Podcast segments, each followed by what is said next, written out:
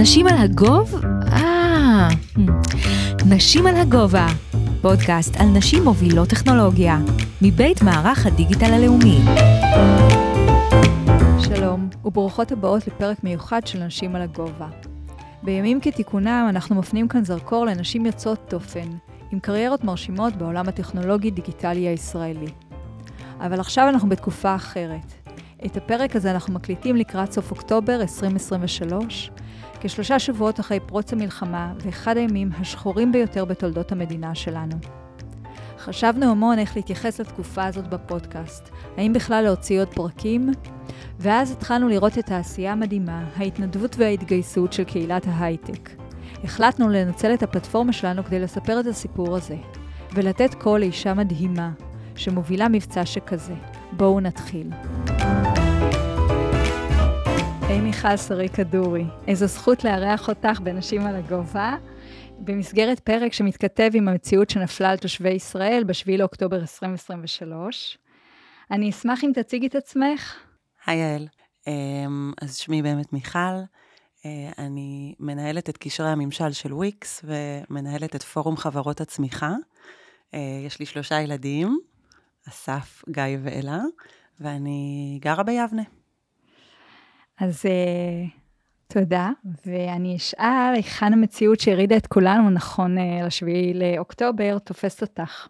וואו, אז uh, האמת שהיא, כמו כולם, ממש ביום עצמו היא תופסת אותי uh, עמוק uh, במקלט, בבית, כי יבנה נמצאת מאוד קרוב uh, um, לכל ההתרחשויות, אנחנו בתוך, ה, ככה בקו הגבול של 40 קילומטר.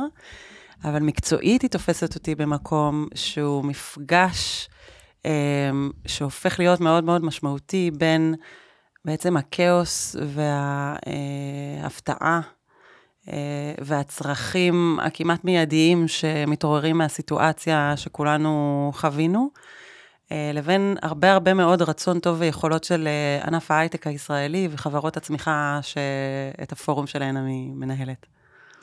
אז מילה לפורום חברות הצמיחה. אז הפורום בעצם קם עוד אה, ככה הרבה לפני אה, השבועות האחרונים, הוא קם לפני כמעט שמונה שנים, אה, והוא בעצם מאגד בתוכו קבוצה של 25 אה, חברות אה, הייטק. אה, מה שמיוחד בחברות הייטק האלה זה קודם כל שהן ישראליות, זה חברות הייטק גדולות, חברות בצמיחה, זה לא סטארט-אפים קטנים. אה, אבל הן ישראליות, זה או שהמייסדים ישראלים, ה-IP בישראל, והחזון של כל החברות האלה הוא לגדול ולצמוח מישראל ובישראל, להיות ענקיות טכנולוגיה עולמיות, אבל לא אה, בעצם אה, להפסיק את הזיקה שלהן לישראל. וכמי שמנהלת את הפורום, אז אה, את יושבת במקלט ב-7 לאוקטובר, ומה קורה? אז בעצם מהר מאוד אה, אני מתחילה לקבל בכל הערוצים של, של הפורום אמ, בקשות לעזור. זאת אומרת, איזושהי התפכחות אה, שאומרת, רגע, יש לנו אנשים, יש לנו טכנולוגיות, יש לנו יכולות, בואו רגע, העובדים שלנו יכולים רגע לנסוע לשם, ומלא יצטרכו את זה ויצטרכו את זה. ומלא יוזמות אורגניות שעולות מתוך התפיסה, תפיסת האחריות של ההייטק אה, באופן כללי. אמ, וגם באמת הרצון הטוב אמ, לקחת חלק במענים שצריך לפתח ומהר. מהצד השני, אני אגיד שיש לי רקע בממשלה, וכתמונת מראה, אני מקבלת באותו היום אה, כל מיני שאלות ובקשות, דווקא מהחברים שלי בתוך הממשלה, אה, שאומרים, רגע, זה קורה, זה קורה, אתם חושבים שבהייטק אפשר יהיה לעשות ככה, ואפשר יהיה לתת ככה, ולאט לאט, לאט לאט הדבר הזה נופל לי איזשהו, אה, נופלת בי ההבנה שהחיבור הזה בין ממשלה להייטק אה, הופך להיות אה, קריטי ביותר, וזה לא רק הייטק, זה כל החברה האזרחית, אבל הוא ממש קריטי ליכולת שלנו להתמודד במצב הכאוס אה, שהיינו בו. ואני אגלה למאזינים שמוקם אה, מוקד ערבה. רוצה לספר?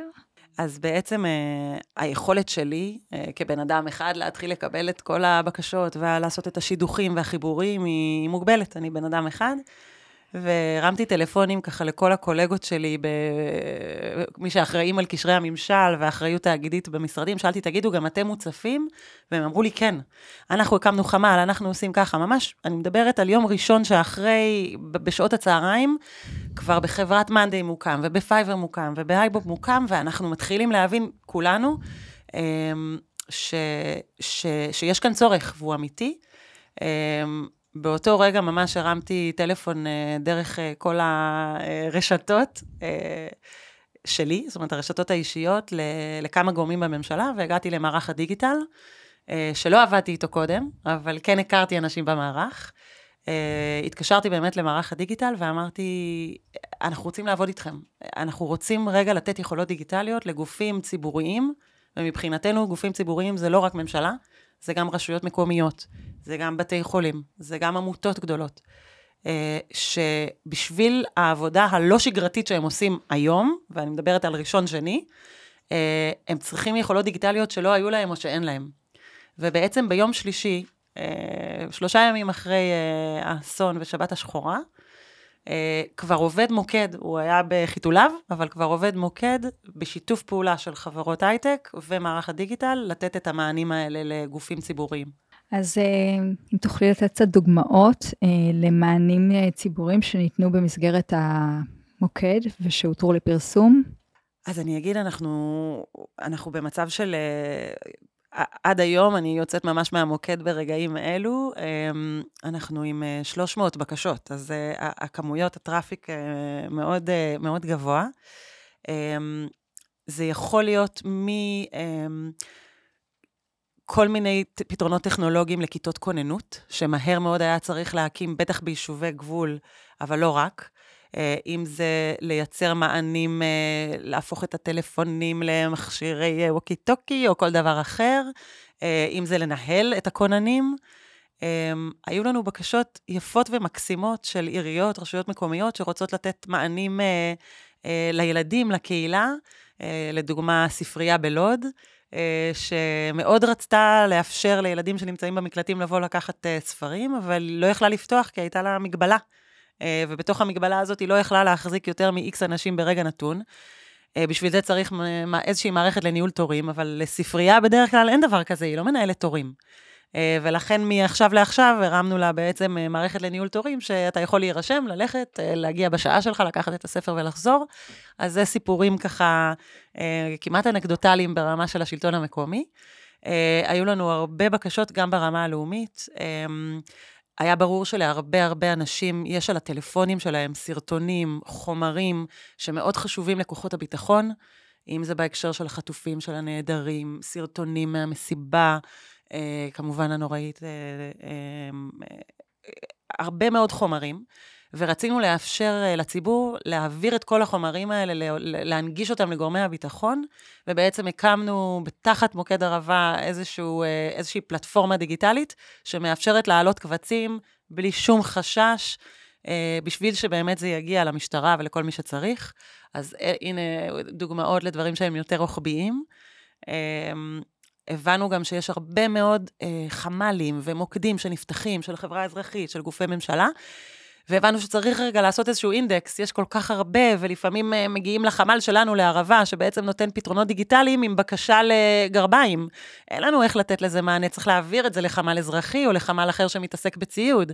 וגם להפך, החמ"לים האחרים מקבלים מענים שהם לא יודעים לתת, וחשבנו על החיבוריות, על הקישוריות הזאת בין החמ"לים. אה, והקמנו איזשהו אינדקס כזה, גם אם נכנסים לאתר של מוקד ערבה, יש אינדקס חמ"לים, שאפשר לחפש לפי הצורך שלך את המוקד האזרחי או הממשלתי, שייתן לך מענה הכי טוב. אז זה דוגמאות לדברים שעלו ממש בימים הראשונים.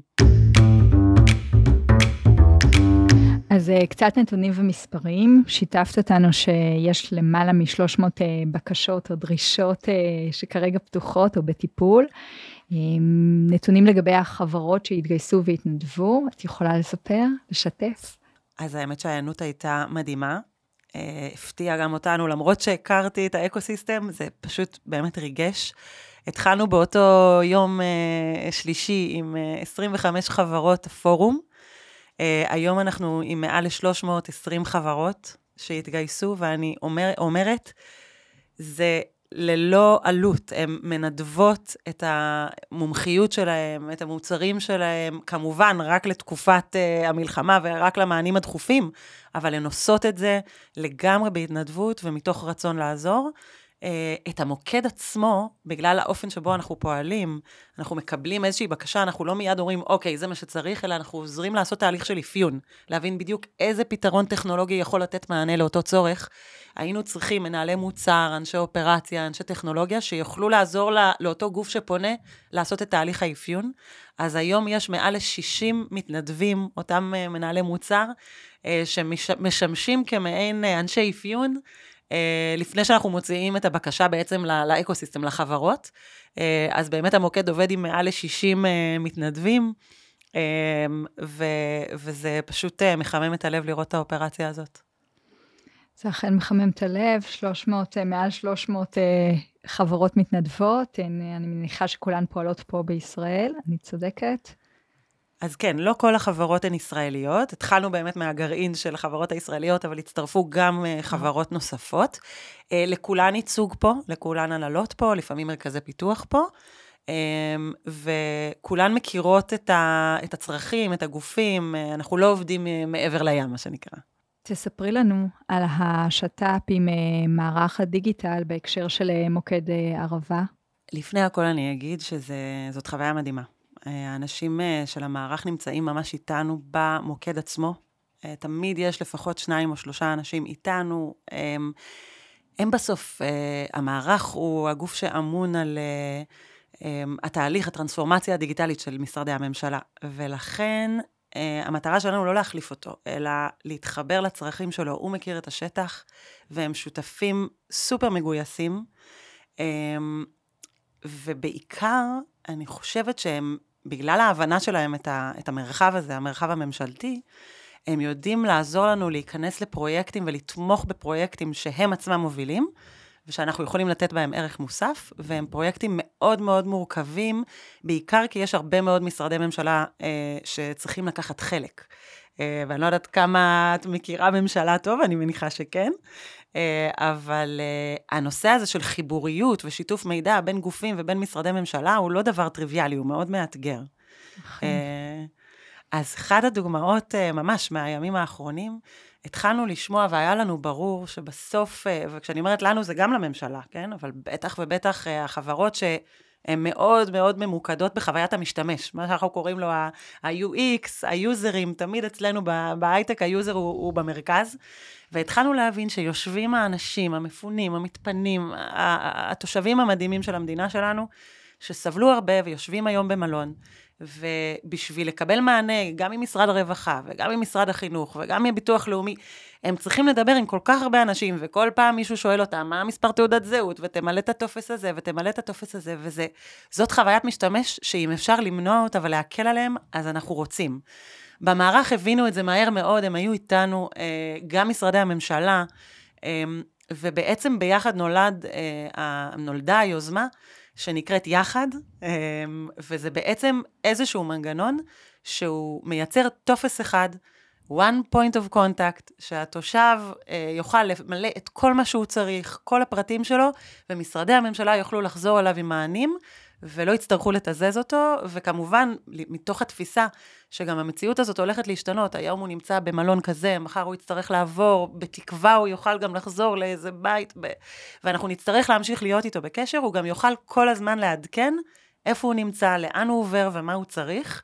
והמנגנון הזה, הדיגיטלי, היה שיתוף הפעולה בעיניי אולי אחד החשובים, אה, כי גם הרבה משרדי ממשלה, גם מענה הייטקי וגם תפיסה הייטקית של בעצם user.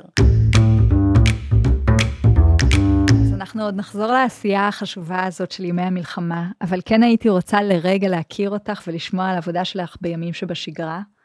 תני לנו כך בקצרה את הביו שלך.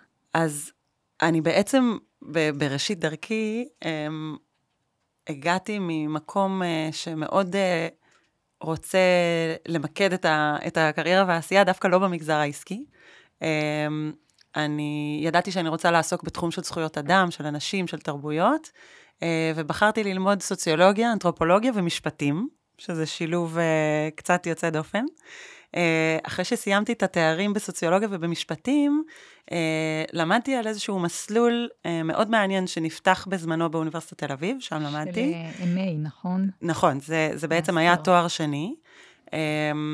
שנקרא משפט, ממשל וחברה. אפשר היה להיכנס למסלול הזה אה, גם מהתואר במשפטים, גם ממדעי החברה וגם אה, מכל הנושא של ממשל. והקונספט היה שאתה צריך להביא איזושהי גישה מולטי-דיסציפלינרית.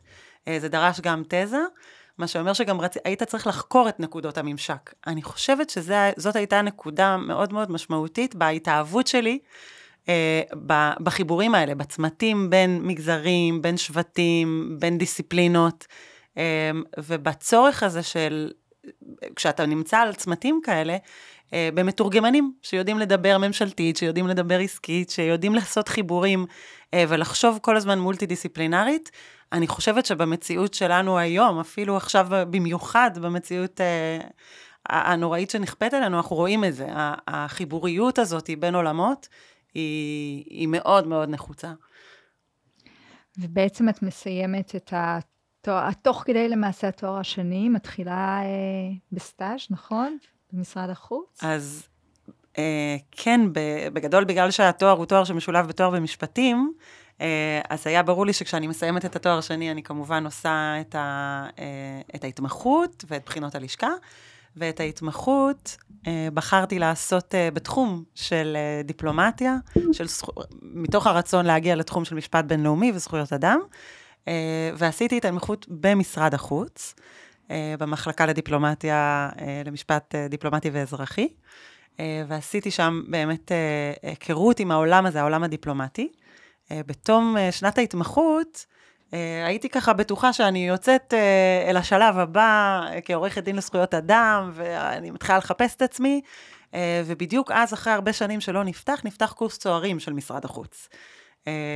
וככה, מי שהיה אז המנטור שלי במחלקה המשפטית, ניגש אליי ואמר, מיכל, תחשבי על זה אחר כך. קודם, תגישי, אני מציע לך להגיש, ובאמת ככה, בלי לחשוב הרבה על המשמעויות וההשלכות, אמרתי, יאללה, אני מגישה ומנסה להתקבל לקורס, ובאמת אה, נכנסתי לקורס הצוערים אה, של המשרד, אה, וגם שם התאהבתי בעשייה הדיפלומטית.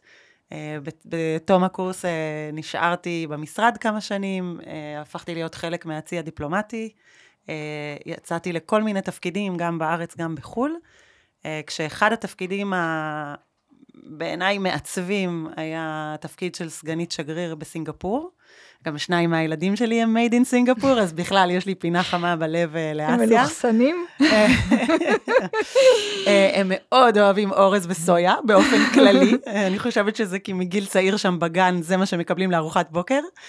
אמ, אבל באמת, אה, אני חושבת שסינגפור היא מקום מיוחד.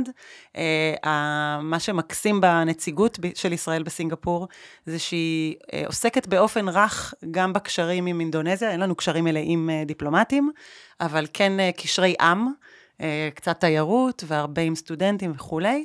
אז עם אינדונזיה, עם מזרח תימור. זה מקומות מאוד מאוד מעניינים שככה היה לי לכבוד אה, לעבוד מול הקהילות שם. אז נדמה ככה שלאורך הקריירה שלך, וזה אני יודעת כי קצת שיתפת אותי לפני השיחה הזאת, את תמיד אה, עוסקת בתפר שבין המגזר הציבורי, עסקי ושלישי, ובעצם אחרי עשר שנים, נכון, במשרד החוץ את עוברת לעמותות, אה, למגזר השלישי. נכון. אז uh, בשנה האחרונה שלי במשרד החוץ, עבדתי במחלקה שנקראת ארבל, ארגונים בינלאומיים. זה הרבה עבודה עם האו"ם, זה הרבה עבודה עם עמותות גם, uh, בינלאומיות, גדולות, קטנות.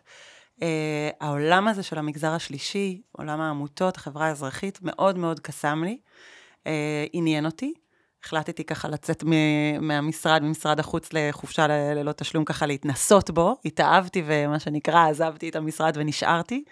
הייתי כמעט שש שנים אה, בעולם העמותות, בהתחלה בעמותה יותר קטנה בשם אה, מרכז ישראל אסיה, אה, שככה אפשרה לי להשתמש ביכולות ובהיכרות שלי עם דרום-מזרח אסיה, לצורך באמת חיזוק הקשרים של ישראל עם סטודנטים וקהילות שם.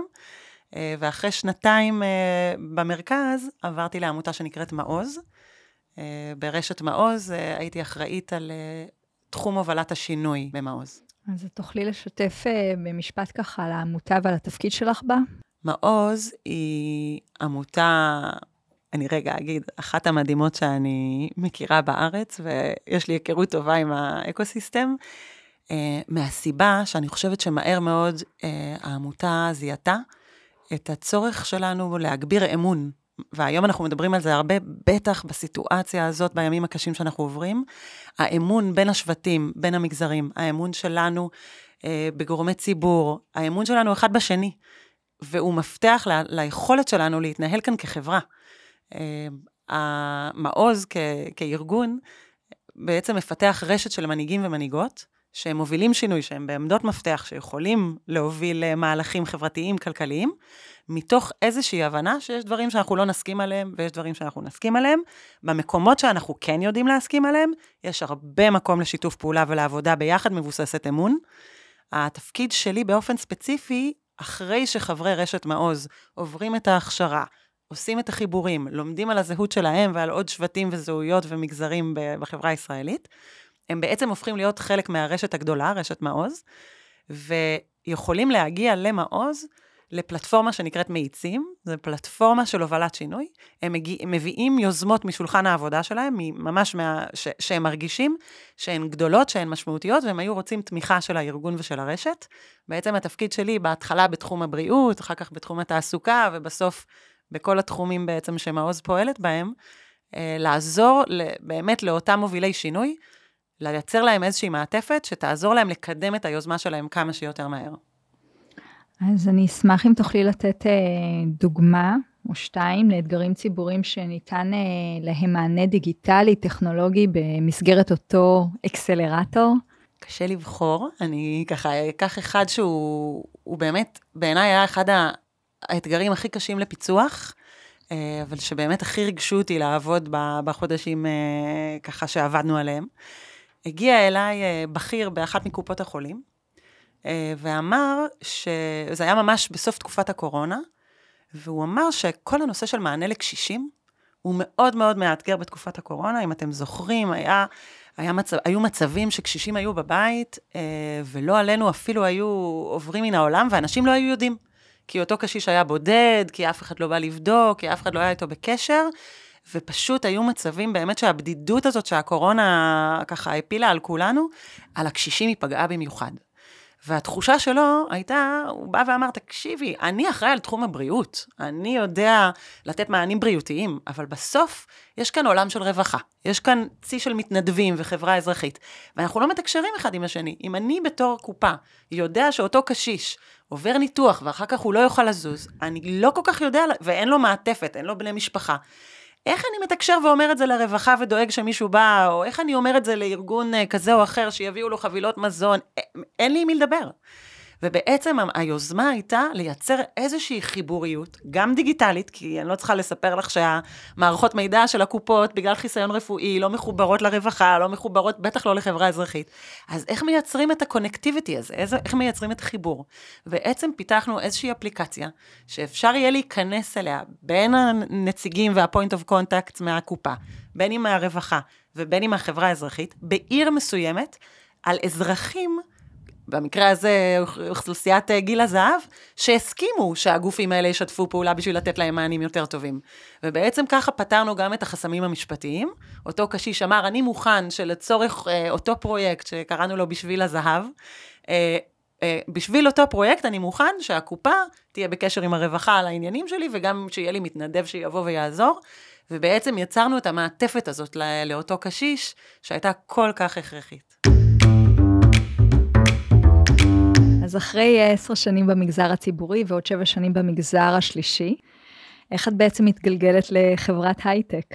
התמזל מזלי, שמי שניהלה את פורום אה, חברות הצמיחה באותם ימים, הייתה בעצם אה, אה, ראש המטה של נשיא וויקס, של ניר זוהר, כרם נבו, והיה לה ברור שהיא רוצה מישהו שיעבוד איתה, בניהול הפורום, שהוא אותו מתורגמן, כמו שדיברנו קודם, הוא יודע לדבר גם ממשלתית, גם אה, חברה אזרחית, גם מגזר שלישי וגם עסקית, יודע לעמוד על התפרים האלה. אמ, ומישהו אמר לה, את חייבת מישהו שעובד במעוז, זה, בזה הם מתמחים, בניית אמון, הובלת שינוי, את צריכה מישהו משם. וככה, היא עשתה קצת חושבים וחיפוש, וככה, בתוך הרשתות החברתיות שלה, אה, הגענו לדבר, לשבת לקפה, ודיברנו. והאמת שהעשייה שלהם פשוט ריגשה אותי. היא הייתה מאוד מאוד מיוחדת בעיניי, היא שילבה איזשהו קו חשיבה מאוד מאוד עסקי, מאוד מוצרי, עסקי. בסוף החברות הישראליות האלה, הן לא מתפשרות, הן פה כי הייטק בישראל זה, זה דבר טוב, ישראל טובה להייטק, ההייטק טוב לישראל, הן לא עושות טובה לאף אחד. התפיסה הייתה מאוד מאוד עסקית, ומהצד השני מאוד ערכית. עם איזושהי אמירה, אנחנו לא start-up nation, אנחנו tech nation. החלום שלנו לא חייב להיות לעשות אקזיט ולמכור לאיזה חברה אמריקאית. אפשר להיות חברה ענקית, גלובלית, גם מישראל. התפיסה הזאת, היא הלהיבה אותי. ככה אמרתי לה אחרי הקפה שלנו, כרם, אני איתך, תגידי לי רגע מה מימו ו- ונצא לדרך. זה היה, אני לא אגיד לך, אה, מלחיץ לעשות את המעבר הזה שוב. אחרי שאתה הרבה שנים בממשלה ובחברה האזרחית, לעבור, אה, אחרי שהפחידו אותי גם, אני אימא, ואני אישה, ואני זה, והמגזר העסקי הוא תובעני, והוא... אה, אה, צריכה להיערך לשפה אחרת ותכנים אחרים. זה ככה, אמרתי, אני צריכה למצוא את הכוחות ואת האומץ לעשות שוב מעבר, אבל היה ברור לי שזאת הרפתקה שאני רוצה להיכנס אליה ולנסות לראות אם אני יכולה לתת בצומת, גם הצומת הזה ערך. אז את ככה שיתפת אותי שאת הכנות הזאת, להיות אה, שנייה מחוברת לתשוקות, למה שנכון לך באותו רגע, וגם אם זה במחיר האומץ לעבור בין מגזרים, פעם ראשונה זה היה במעבר מהמגזר הציבורי למגזר השלישי, ונדמה שעכשיו זה קרה שוב פעם במעבר מהמגזר השלישי אה, אל חברות ההייטק, ובעיקר אה, לא לתת להן, לאינרציה הזאת של, אה, של הקריירה, להמשיך ככה בפלואו באופן טבעי, נוח, שגרתי. אני חייבת להגיד שכשטוב לי, ואני מרגישה שאני נותנת ערך, אני בעד להישאר, אני לא מחפשת כל הזמן את השינוי. אבל אם יש הזדמנות שאני מרגישה שאני יכולה להביא את היכולות שלי ולייצר אפילו עוד יותר אימפקט, שם אני מוכנה לקחת את הסיכון הזה גם במחיר של לאבד את הקביעות, או לעשות איזה שינוי, או לשים על עצמי עוד נטל של ללמוד תחום חדש. אני גם רואה בזה אתגר אה, אישי, וככה, כל עוד יש לי תמיכה מבעלי ומהאקו-סיסטם, אז אני, אני מרשה לעצמי ללכת על זה. אז מה עושה בימים שבשגרה בוויקס? זה מעניין לשאול על שגרה. השבוע הראשון שלי בוויקס היה בעצם מיד אחרי פרוץ המלחמה בין רוסיה לאוקראינה, ולוויקס יש אה, הרבה הרבה מאוד עובדים באוקראינה. אה, וקשרי ממשל בוויקס אומר לא רק קשרי ממשל פה עם הממשלה בישראל, גם עם גורמים אה, ממשלתיים וסמי ממשלתיים במוקדים שלנו בעולם, גם עם רשויות מקומיות פה, אה, וגם עם גורמים בינלאומיים, עם ה-OECD וכולי. ולכן ממש אפילו מהיום הראשון, אני לא יכולה להגיד שהייתה הרבה שגרה, כי היינו צריכים לטפל ולתת מענים לעובדי וויקס שנמצאים עכשיו במצב של מלחמה, צריכים לצאת uh, מקייב, צריכים לעבור לפולין. Uh, אז גם שם מיד uh, היינו צריכים להיערך, uh, זה היה פחות קרוב הביתה, אבל מבחינת וויקס זה היה ממש בתוך הבית. Um, אז זה למשל דוגמה מיד של uh, מענים שהיינו צריכים לתת לעובדים, להתארגן, לילדים uh, של עובדים וכולי. יש גם דברים שהם באמת הרבה יותר שגרתיים. אנחנו עובדים אה, למשל עם אה, עיריית תל אביב, ביוזמה של אה, בעצם עיר, ברית עיר עסקים, לנושא של קיימות וסביבה, כל מיני תחומים שבהם בעצם ההייטק או חברת וויקס פוגשת גוף ציבורי. אז כל הניהול של איך ומה, ואיפה החברה יכולה לתרום, ואיך עושים את הממשק אה, נמצא אצלי, זה בתחום של אה, קשרי ממשל. בכובע השני שלי כמנהלת פורום החברות, חברות הצמיחה, בעצם העבודה היומיומית היא גם, היא קשרי ממשל, היא פשוט בתחומים, היום אנחנו מתעסקים בחירום במוקד ערבה, במענים שלא חשבנו לרגע שההייטק יהיה מעורב בהם. אבל uh, אני אתן לך דוגמה מעולם השגרה של קשר עם הממשלה. אה, הייתה, היה איזשהו שלב שהייתה, היה, יעד ממשלתי, אה, אני לא זוכרת אה, אם, כל פעם ניסחו אותו אחרת, 15% להייטק, מיליון להייטק, אני רגע, אם אני נותנת את השורה התחתונה, להגדיל את כמות העובדים בישראל, שלוקחים חלק מהעוגה הזאת, העבודה בהייטק היא מתגמלת, היא בפריון גבוה, והיה רצון כמה שיותר אנשים, מכמה שיותר פלחי אוכלוסייה, להכניס למעגל עובדי ההייטק, ובעצם קראו לנו, לפורום חברות הצמיחה, שאנחנו בעצם המעסיקים הגדולים, כי אנחנו מעסיקים לא רק עובדי פיתוח, אלא גם את כל שרשרת הערך, גם כמו שאמרנו, UX, ומנהלי מוצר, ואנשי finance, ואנשי marketing וכולי, קראו לנו סביב השולחן לוועדה בין-משרדית, אה, בשביל לחשוב ביחד איך אפשר להגדיל את כמות העובדים בישראל שלוקחים חלק, אה, להגדיל, להגדיל ולגוון את כמות העובדים שלוקחים חלק אה, בעצם בענף הזה. ובמשך כמה חודשים טובים היינו חלק מהוועדה הזאת, לחשוב איך אפשר לפרוץ דרך, איך לקדם את מקצועות הצמיחה, שזה המקצועות הלא טכנולוגיים בהייטק. אז גם זה חלק מה, מעבודת היום-יום. וחלק מההמלצות של אותה ועדה כבר בשלבי יישום? אז האמת שהם היו בשלבי יישום ערב המלחמה, אני לא יודעת להגיד לך איפה, ש... איפה זה יושב היום, אבל דוגמה לדעתי למשהו שהוא כבר קרה מעצם העבודה שלנו בתוך הוועדה, יושבת שוב על הנושא הזה של חיבור, כי אני חושבת שהוא המפתח, היכולת שלנו לתת אמון אחד בשני, לייחס כוונות טובות, גם לדבר את אותה שפה ולהבין אחד את השני. אז בתוך הוועדה, התחלנו לדבר, והנציגים, ואני לא מגיעה לבד, כשאני מגיעה כפורום, זה לא מיכל, אני מביאה איתי CFOים, ואנשי HR, ואנשי מוצר, וכל פעם כשמדברים על משהו, אני מביאה את הנציגים של החברות עצמם. ובאחת הפגישות ישבנו סביב שולחן עגול, ומתחילים לדבר על uh, תחום ה product, למשל.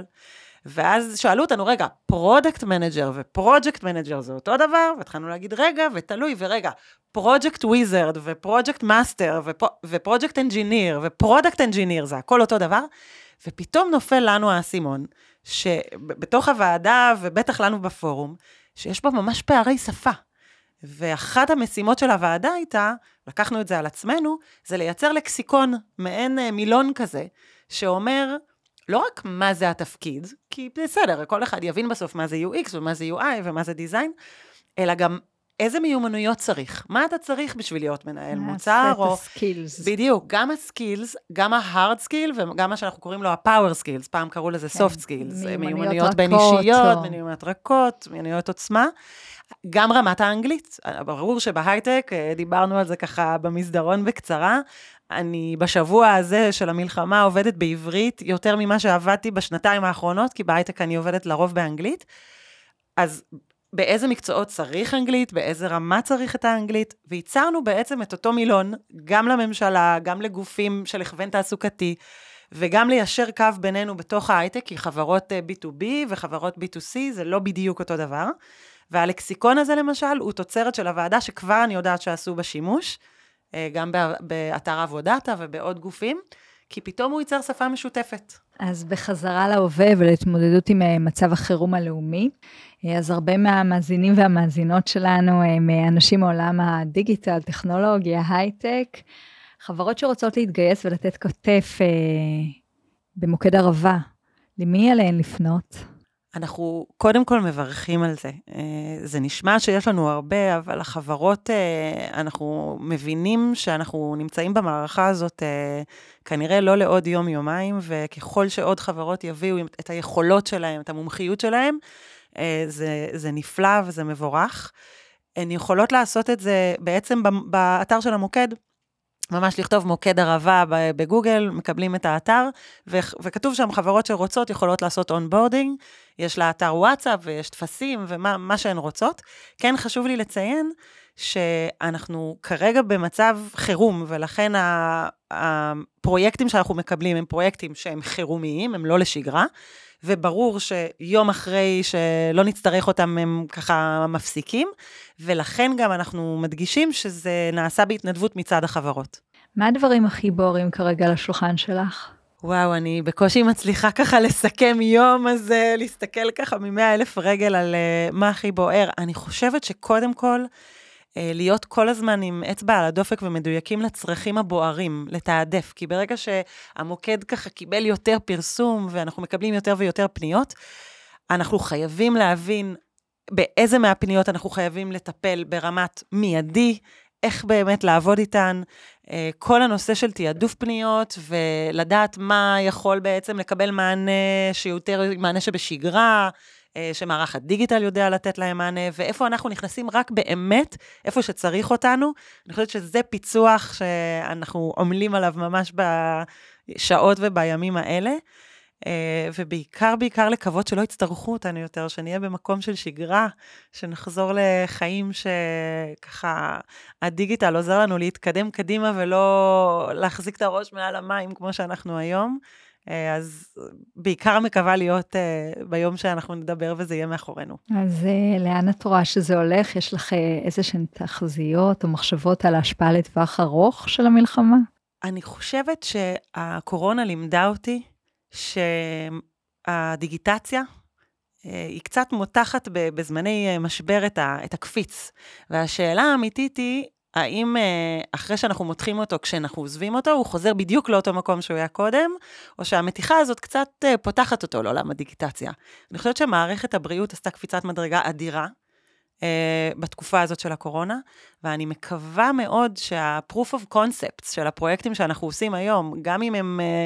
ככה, כמו כרכרה של אה, סינדרלה, הכרכרה תהפוך לדלת בסוף, עדיין הזיכרון הזה של איך הדברים יכולים לעבוד, ו- והפרויקטים האלה שמדגימים איך הדיגיטציה יכולה להפוך את השירות לתושב, ובעצם את היעילות של העבודה הציבורית אה, לגבוהה יותר, הזיכרון הזה הוא יישאר, והרעב הזה לשלב דיגיטציה יישאר. ולשם אני מאוד מאוד מקווה שנגיע. אז את כן מצליחה למצוא נקודות אור. דברים שנותנים לך אופטימיות? חד משמעית. אני חושבת שאחרת לא היינו אה, קמים בבוקר בסיטואציה הזאת. אה, באחד הימים שסיכמתי ככה את העבודה לצוות המוקד, וזה 60 אנשים שמשקיעים ומתנדבים ומשפחות בבית, ואמרתי שהבועה הזאת של העשייה, היא באיזשהו מקום מגנה עלינו. אנחנו כולנו חוזרים הביתה בערב, פותחים טלוויזיה או מדברים עם הבן זוג, בת זוג, ובוכים, בוכים, בוכים, בוכים עד הבוקר, ואז בבוקר יש לנו לאן לקום, ואיפה לתת ערך ומה לעשות. אה, אני חושבת שזה זה, בפני עצמו, זה נקודת אור. מסכימה איתך.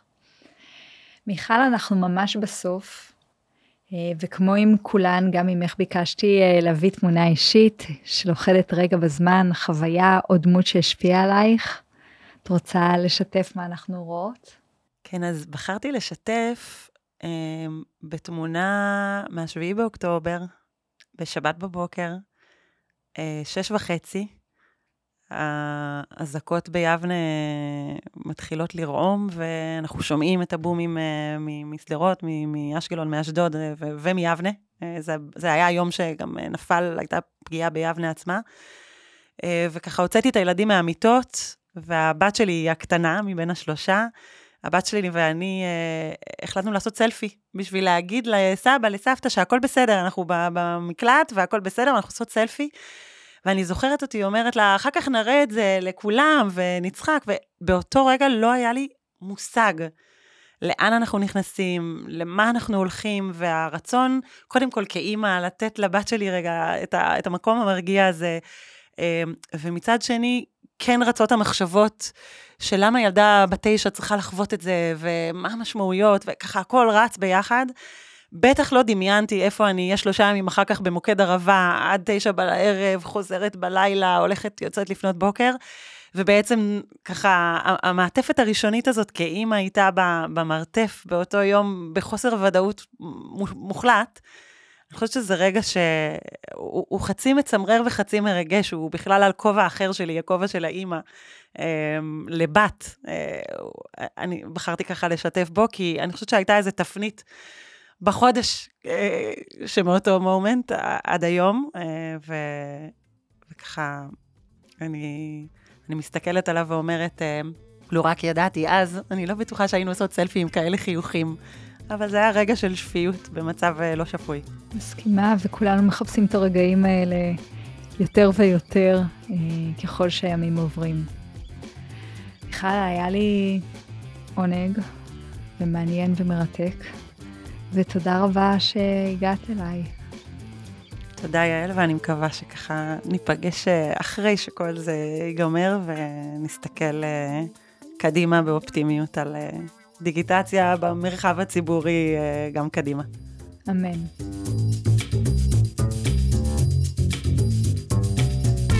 תודה רבה שהאזנתן והאזנתם לנשים על הגובה. מקווה שקיבלתן ערך, למדתן וגם נהנתן. תמשיכו לעקוב אחרינו בכל מקום שיש בו פודקאסטים ולשתף עם חברות ועמיתים. אני יעל בראל, מנהלת קהילות מערך הדיגיטל הלאומי. נשתמע בפרק הבא. נשים על הגובה, פודקאסט על נשים מובילות טכנולוגיה, מבית מערך הדיגיטל הלאומי.